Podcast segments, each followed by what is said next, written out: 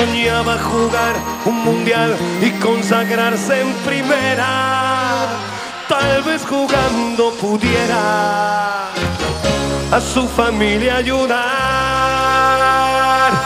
¡Grande Diego! Torque Lab. EAE Business School patrocina aquest espai. El bany del Barça al Bernabéu no és discutible, però ara és moment d'analitzar-ne els perquès. Ricard Torquemada, bona tarda. Bona tarda.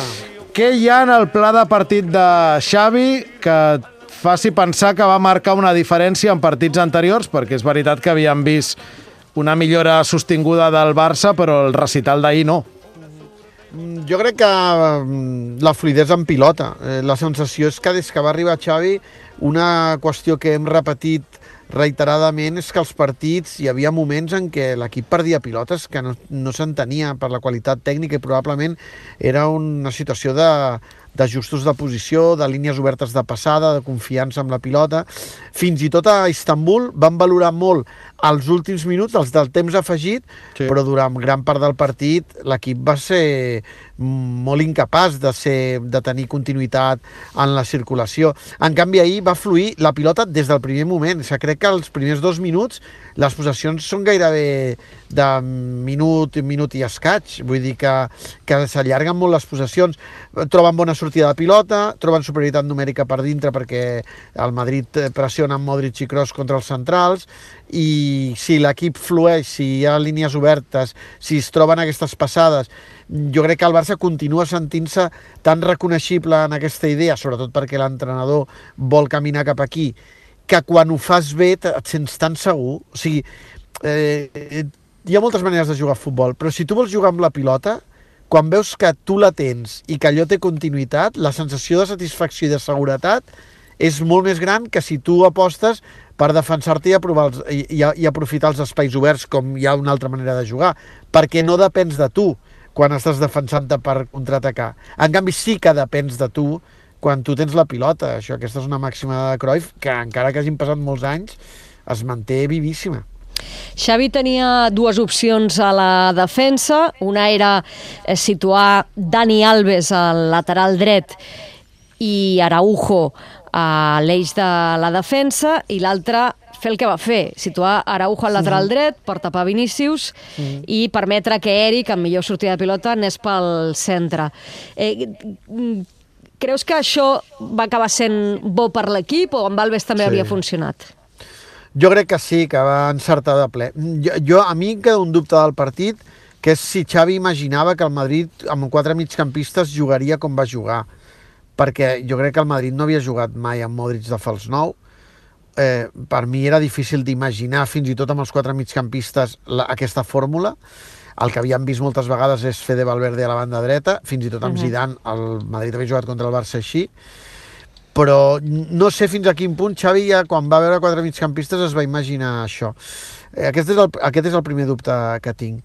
I, i sobre la idea crec que va ser determinant. L'opció d'Araujo sobre Vinícius, recordo que a un tot costa la, la vam comentar Mm. a Aràbia Saudita, no sé si us en recordeu, que fèiem un, estàvem fent un Loto Xavi Mm. i jo vaig llançar la idea eh, que després va tenir alguns minuts a la pròrroga eh, que és una idea molt vàlida perquè, clar, Vinícius és tan bo a l'un contra un que necessita algú eh, l'altra cara de la moneda al davant i Araujo jo crec que és gairebé invulnerable amb espais oberts l'un contra un per la capacitat que té per corregir, per com fa servir el cos, per la gambada llarga.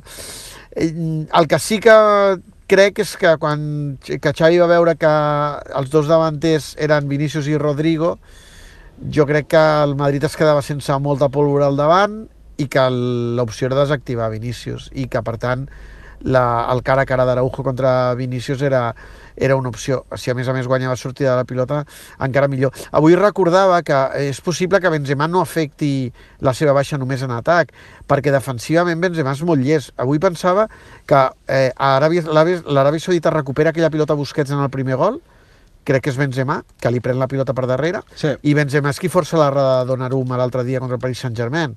Per tant, d'alguna manera Benzema és un jugador important fins i tot per iniciar la fase defensiva i ahir no va ser el mateix quan Modric i Kroos saltaven sobre els centrals, Eric i Piqué van jugar molt còmodes i justament eh, que Modric i Kroos saltessin tant era el que generava el Pedri de Jong Busquets contra Casemiro i Fede Valverde, la superioritat numèrica, i com va explicar Xavi, si un dels centrals eh, volia igualar eh, i feia el pas endavant, com a Millán trobés una, una esquena descoberta a l'última línia.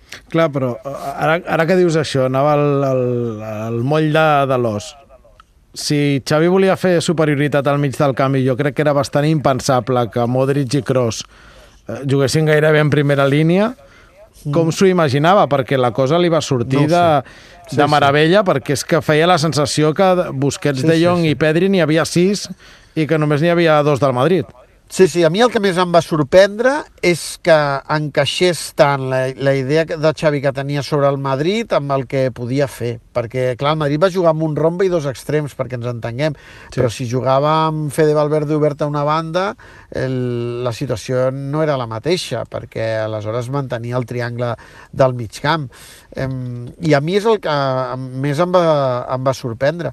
Eh, i, i, que, I això va, ser, va, va fer que, que, que encaixés tot. Clar, la, la, que Alves s'incorporés al mig camp com, com per crear superioritat numèrica era una opció, però és veritat que aleshores la vigilància de Vinícius era, estava més exposada, perquè, perquè Araujo havia de bascular molt a la banda dreta, perquè ja no... Eh, ja, ja perdia uns metres, és a dir, Vinícius tenia més facilitat per rebre i Araujo havia d'anar al rescat, aquí el tenia més cara a cara.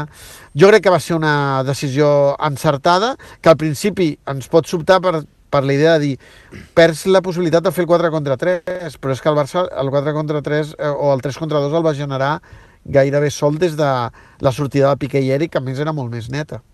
A- Ara que, que ja hem vist Araujo funcionant al, al lateral dret, és evident que no et dona el que et dona Alves en pilota, però diríem, o, jo ho interpreto així, dona molta tranquil·litat a la resta de, de l'equip. Et sembla que això té continuïtat o, que, o pot tenir continuïtat o que és un, un recurs ad hoc pel partit d'ahir?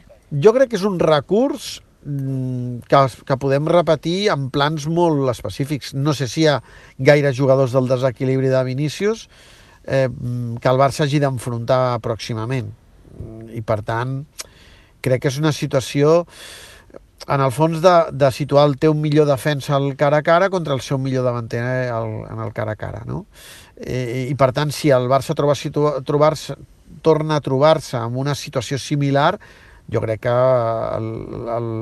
l'experiment va sortir amb molt bona nota. Insisteixo que els últims minuts de la pròrroga o, el, o a la pròrroga de l'Aràbia Saudita, quan el Barça va arriscar i va deixar tres al darrere, Araujo ja es va aparellar amb Vinícius i ja es va veure que Vinícius li costava molt, perquè és que qualsevol jugador, si no, si no aconsegueixes aquest mig metre de, de distància per encarar Ara- Araujo, si Araujo et redueix la distància, és que és gairebé impossible superar-lo, perquè encara que siguis molt ràpid, ell fa servir molt bé el cos i, i ell se sent còmode a camp obert perquè, per la seva potència física. Per tant, jo crec que és una opció que pot repetir-se sempre que el rival tingui un extrem de la possibilitat de desequilibri com, com Vinícius. Si no, no crec que sigui un recurs gaire freqüent, no? Quan es produeixen exhibicions com, com la d'ahir, Ricard, sempre ens plantegem fins a quin punt és mèrit d'un equip i fins a quin punt és de mèrit de, de l'altre. Eh, no sé si potser agafant com a exemple el partit de la Supercopa, podem dir que ahir el Barça va estar molt millor o és el Madrid que va estar molt pitjor? Jo crec que el Barça hi va estar molt millor i, i el Madrid, si el Barça està molt millor, el Madrid està més, molt pitjor. És, és a dir, qui és dependent del rival és el Madrid, uh -huh. no el Barça.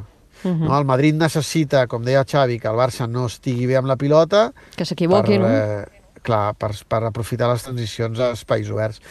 O sigui, sempre en un partit qui, he, qui, pro, qui proposa, si està bé, redueix molt les opcions de qui reacciona. Uh -huh. eh, qui reacciona necessita que qui proposa no estigui bé.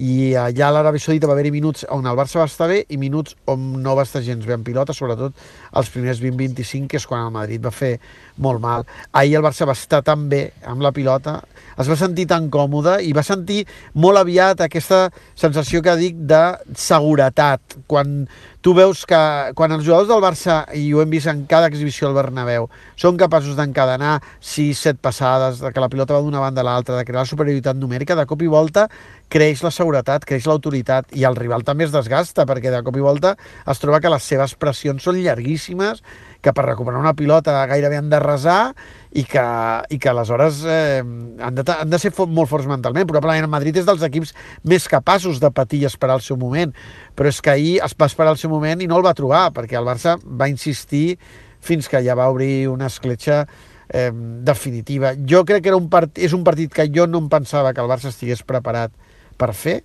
Hem de veure si té, està preparat per donar-li continuïtat, però d'entrada la primera sorpresa va ser veure'l a aquest nivell quan encara no l'havíem vist amb aquesta continuïtat. Exhibició d'autoritat del Barça al Bernabéu. Ricard, acabo. Uh, parlant d'autoritat, a, a quin clàssic et recorda? Perquè per sort en tenim uns quants a recordar al, al Bernabéu, o no, o potser te'n recorda algun al, al Camp Nou. Doncs jo, Jordi, a mi, així, eh, ja ho vaig dir ahir, de cop al vot, de cop al vot, eh, hauria de revisar els clàssics. A mi em recorda més el 5-0 al Barça a, a, contra el Madrid de Mourinho, que no els del Bernabéu, perquè els del Bernabéu, i clar, no, no, no, no tinc un record específic i precís de cada partit, tinc la sensació que en algun moment el Madrid mm. s'hi hi va, hi va posar el cap, Sí. sí. o si més no va tenir opcions, és que ahir eh, les té els primers 25 minuts, però a partir del 0-1 Sí, sí. el partit és que no, té, no, té, no el regira mai i per tant m'identifico molt amb l'obra coral del 5 a 0 que probablement va, va ser superior perquè aquell 5 a 0 és que gairebé els gols era el que menys comptava o sigui, la, la, la repassada quan en canvi ahir l'equip necessitava més aquest, a, a, aquest, aquest resultat i diríem que va ser més vertical quan va tocar. Bé, posats a comparar el dia del 5 a 0, els gols, els últims com a mínim encara van arribar més tard que ahir. Ahir, Sí, al minut 60 ho teníem tot pentinat. El dia del 2 a 6 hi ha partit fins al 75 que Messi fa el 2 a 5, perquè amb 2 a 4 sempre tenies la sensació que Sí, el Madrid i estava posant... El Madrid s'avança en el I marcador. s'avança Fins i tot marcador. s'avança, I t'ho no- i més tinc difícil, No sé sí. si teniu un record clar del, de Luis Enrique del 0-4, jo no el recordo prou com per saber, per, per poder valorar Jo com, com va d'aquell dia tinc un record més eh, d'un Barça més, eh, més feridor, però no tan dominant, diria. Ja, ja, que va aprofitar més les oportunitats que va Eh, tenir. Que clar, és que aquell dia no hi era Messi, vull dir, estava jugant amb, amb Sí, tot el sí. respecte, amb Sergi Roberto de fals extrem, vaja. Sí, sí, sí. Jo ho tinc com una obra enorme, però no sí. d'aquest nivell. De, de És que tota el manera, 0-4 i el porter del Madrid el millor, jo crec que això no ho havíem viscut encara. Molt bé, doncs aquest és el record, el paral·lelisme que ha trobat el Ricard Torquemada, que ens ha ajudat a entendre per què la pissarra de Xavi va esclafar la de Carleto Ancelotti, que ara en parlarem. Ricard, gràcies! A vosaltres...